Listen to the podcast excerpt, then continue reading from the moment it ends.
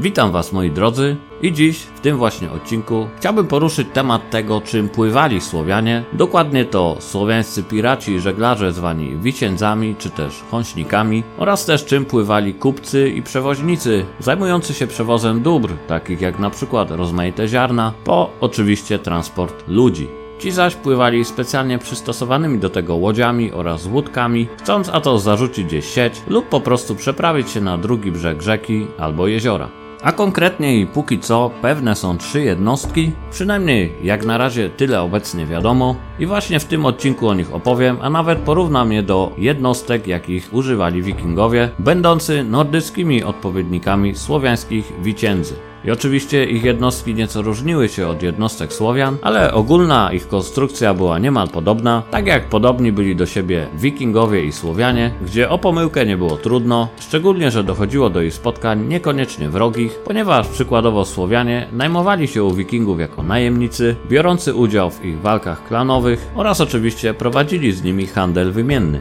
I jedynymi rzeczami, po których można było ich od siebie odróżnić, był oczywiście język oraz symbole ich wiary, głównie bogów, bogów, jakie nosili bądź mieli wytatuowane. Ale o tym oczywiście mówił tutaj wiele nie będę, bo więcej na ten temat jest już w odcinku Słowiańscy Wiciędze, Srogi Młot na Wikingów, gdzie oczywiście również Was zapraszam. Jednak wracając już do pradawnych słowiańskich łodzi, to może na początku zacznijmy od tej najmniejszej. A najmniejszą z nich był swego rodzaju kajak lub niewielka łódka mogąca pomieścić do dwóch osób, która to powstawała z wydrążonego pnia drzewa, przez co nazywano ją też dłubanką. I są one oczywiście potwierdzone, gdyż ich resztki często wydobywane były oraz nadal są z głębin mulistego dna polskich rzek, w szczególności z dna rzeki Wisła oraz terenów zalewu Wiślanego. Dłubanka taka w zależności od potrzeb mierzyła od 2 do 3 metrów, zaś jej zanurzenie wynosiło 5, maksymalnie 10 cm, w zależności od tego czy płynęła na niej jedna czy dwie osoby i jaki posiadały one ładunek. I zwykle łódka ta przydawała się Słowianom do przemierzania niewielkich odległości na wodach rzek i jezior, w tym też do drobnych połowów ryb niedaleko brzegu oraz do pokonywania terenów podmokłych. Ogólnie były to narzędzia użytku codziennego, ale niewykluczone jest, że służyły one również do rekreacji, zupełnie tak jak ma się to w przypadku dzisiejszych małych łódek, pontonów czy kajaków. I skoro już o owych dłubankach mowa, to według przedwojennych zachodnich, głównie niemieckich naukowców, musielibyśmy się tutaj zatrzymać, zakończyć temat, przynajmniej jeśli chodzi o słowiańskie szkutnictwo. Jednak znaleziska, jakich od tego czasu dokonano, oraz współczesne techniki archeologiczne udowodniły, że Słowian stać było na o wiele więcej niż jedynie proste, prymitywne dłubanki, jakby wcześniej chcieli tego niemieccy archeolodzy. I tutaj na plan wchodzi właśnie druga konstrukcja, tak zwana klasa łodzi Windaskip, a konkretna jednostka, o której mowa, umownie nazwana została Orunią bojową, których nazwa pochodzi od miejsca odnalezienia najlepiej zachowanych wraków tych jednostek, czyli gdańskiej dzielnicy Orunia. Okręt ten był nieporównywalnie większy od dłubanki, jego długość wynosiła 13 metrów, o pokładzie o szerokości 2,5 metra, lecz jak na tak dużą jednostkę posiadał bardzo małe zanurzenie do 30 cm, mimo swej dość sporej nośności od 1,5 do 2 ton, w tym załogi w sile 18 wioślarzy i jednego sternika, jednak bez względu na to, jakie żeglarskie funkcje pełnili poszczególni członkowie załogi takiej Oruni, to przede wszystkim każdy z nich był zaprawiony w boju i nieustraszonym wojownikiem, a wojowników tych lękała się cała Europa tamtych czasów, wliczając w to również wikingów. A skoro o nich mowa, to rzeczą jasną jest też, że orunie bojowe były znacznie mniejsze od wikińskich longskipów, zwanych drakarami, które często mierzyły aż ponad 40 metrów, przy czym miały 7 metrów szerokości i posiadały nawet od 30 do 40 członków załogi, choć w porywach mogło być to nawet 60 osób, tym kilka sztuk koni dla większej mobilności na na terenie najechanych właśnie ziem. Dzioby drakarów zwykle przyozdabiano fantazyjnymi rzeźbami głów smoków, skąd też wzięła się ich nazwa drakar. A jeśli chodzi o Słowian i ich podejście do ozdobnych galionów na jednostkach bojowych, to najczęściej używali oni do tego czaszek zwierząt, takich jak wilki, dziki lub jelenie, Wracając jednak do łodzi Drakar, to trzeba przyznać, że były one najpotężniejszymi jednostkami tamtych czasów, jednak przez to właśnie ich zanurzenie było znacznie głębsze, bo dochodziło nawet od 2,5 do 3 metrów, czyli mniej więcej tyle, ile mierzyła sama szerokość pokładu oruni bojowej. I wraz ze swym ogromem Drakary oczywiście Oczywiście były też o wiele wolniejsze od jednostek słowiańskich, a co za tym idzie, były też o wiele mniej zwrotne. Przez co w obliczu walki Drakar będący niemal o 1 czwartą większy od Oruni bojowych był przez nie okrążany oraz blokowany i kolejnym plusem posiadania mniejszej jednostki przez Słowian było to, że mogli oni stacjonować, w potrzebie przegrupowywać się, zarządzać skuteczny odwrót i poruszać się po bezpiecznych dla siebie płytkich wodach, do których ciężkie, mogące im zagrozić drakary nie miały dostępu.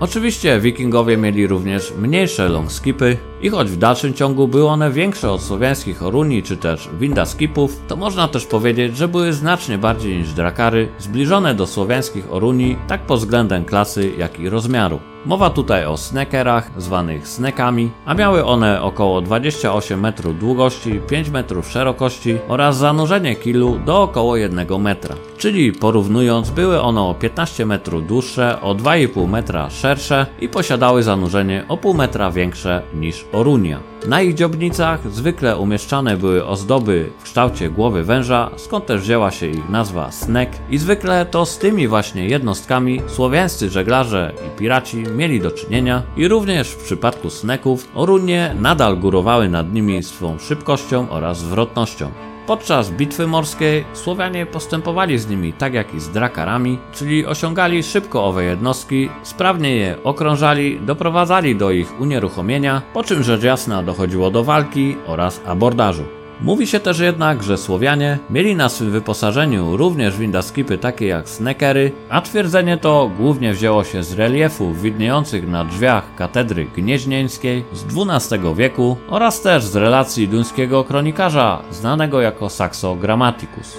Jednak nigdy jeszcze nie odnaleziono wraku ani jednej z tych mitycznych jednostek, dlatego wspominam o niej w tym odcinku jedynie na zasadzie swego rodzaju ciekawostki, która może niedługo okaże się faktem. Lecz wracając już do tematu, to jest jeszcze coś, co wyróżniało słowiańskie łodzie od np. jednostek nordyckich. Otóż konstrukcje nordyckie spinane były nitami żelaznymi, zaś słowiańskie kołkami z miękkiego i elastycznego drewna. I to głównie po tym, podczas wydobywania jakiegokolwiek wraku z tamtych czasów, rozpoznaje się, do której ze stron owa jednostka należała. Poza tym, w przeciwieństwie do wikingów, słowiańscy żeglarze nie przykładali aż tak wielkiej wagi do wyglądu i do ozdób, jakie umieszczano na statku, lecz bardziej do ich funkcjonalności i wytrzymałości, więc posiadały one bardziej surowy wygląd niż jednostki nordyckie. Sprawiały przez to wrażenie delikatnych, jednak tak naprawdę były one o wiele wytrzymalsze od łodzi wikingów, ponieważ w całości budowano je z drewna dębowego, podczas gdy Nordowie dębu używali jedynie do wykonania kilu, czyli osi, ale to nie wszystko wszystko, ponieważ pokłady słowiańskich jednostek były też znacznie bardziej płaskie, głównie dlatego, by ich zanurzenie było jak najmniejsze, jednak przez to były one o wiele bardziej wywrotne, na przykład podczas przypadkowego sztormu, choć dla Słowian mniejsze zanurzenie, przez co też i lepsza mobilność, wygrywały z nieco gorszą stabilnością na wodzie.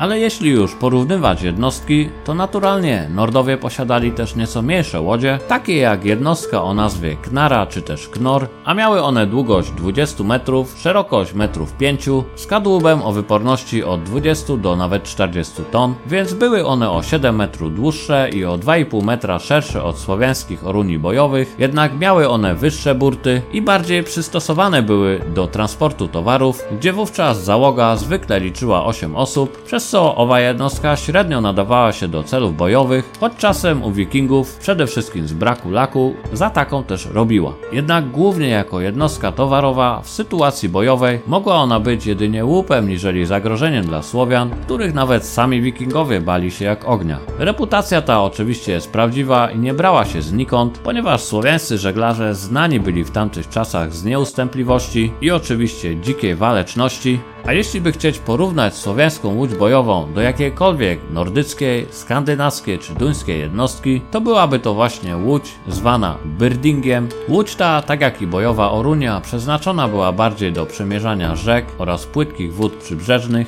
jednak w przeciwieństwie do Oruni bojowej, Byrding nie był łodzią bojową, tylko przede wszystkim łodzią towarową, którą raczej tylko w ostateczności używano do celów bojowych, gdzie wówczas na jej pokładzie mieściła się około 20-osobowa załoga, podczas gdy na Oruni bojowej załoga liczyła osób 19, gdzie zwykle podczas walki na jednego załoganta przypadało dwóch lub trzech wikingów. Jednak niestety z jednostkami takimi jak Birding Słowianie raczej rzadko mieli do czynienia, ponieważ zwykle operowały one na swoich wodach ojczystych na dalekiej północy. No chyba, że Słowianie popłynęli do Norwegii, Szwecji lub Danii osobiście, na przykład w celach najemnych, bądź co często miało miejsce i zwykle dla tych krajów nie kończyło się to dobrze, bo ci jako rasowi piraci udawali się na północ również w celach bojowych i łupieszczych. Także podsumowując, to nordycki birding swą konstrukcją oraz rozmiarem najbardziej przypomina słowiańską orunię bojową, jednak swą funkcją już niekoniecznie, gdyż jak już wspomniałem, była to głównie jednostka towarowa. A skoro już o łodziach towarowych mowa, to i Słowianie posiadali takie jednostki, znowu umownie zwane Orunią, tyle że teraz Orunią towarową, a ta z kolei mierzyła 11 metrów długości i 2,5 metra szerokości, przy czym jej zanurzenie wynosiło około 80 cm,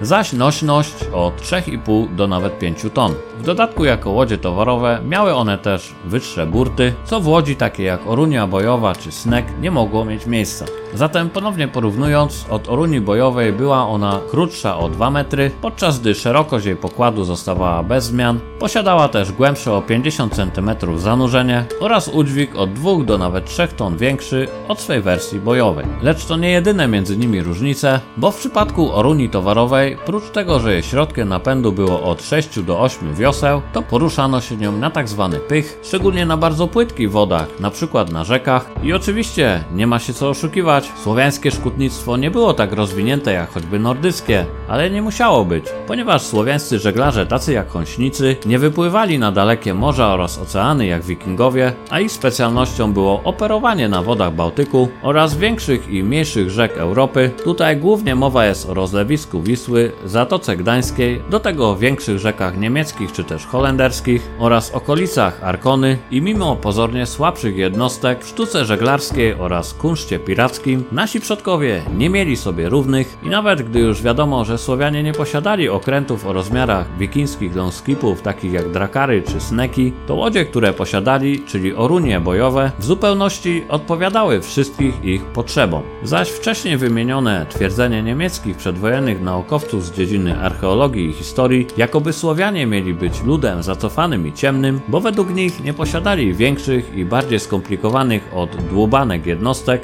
było i jest kompletnie wyssane z palca i raczej miało to być niemiecką propagandą tamtych czasów, mającą na celu ujmować narodowi polskiemu. Niestety podobny proceder trwa do dzisiaj, gdzie zachodni naukowcy starają się jak mogą, by wyciszać tematykę historii Słowian oraz późniejszej Polski. Jednak na szczęście jest jeszcze wielu oddanych swemu powołaniu naukowców, którzy rzetelnie podchodzą do spraw historycznych i starają się szukać oraz wyjaśniać zagadki związane z pradawnymi Słowianami, których to jest jeszcze wiele, a które od wieków skrywają przed nami ciemne głębiny wód oraz przede wszystkim mocno trzymająca swym uścisku owe skarby ziemia. To już koniec materiału na temat słowiańskich łodzi oraz ich różnic między jednostkami nordyckimi. Jak zawsze mam nadzieję, że dostarczę Wam ciekawej wiedzy i że ten materiał Wam się spodoba. A ja już dziękuję wszystkim za uwagę i do następnego odcinka.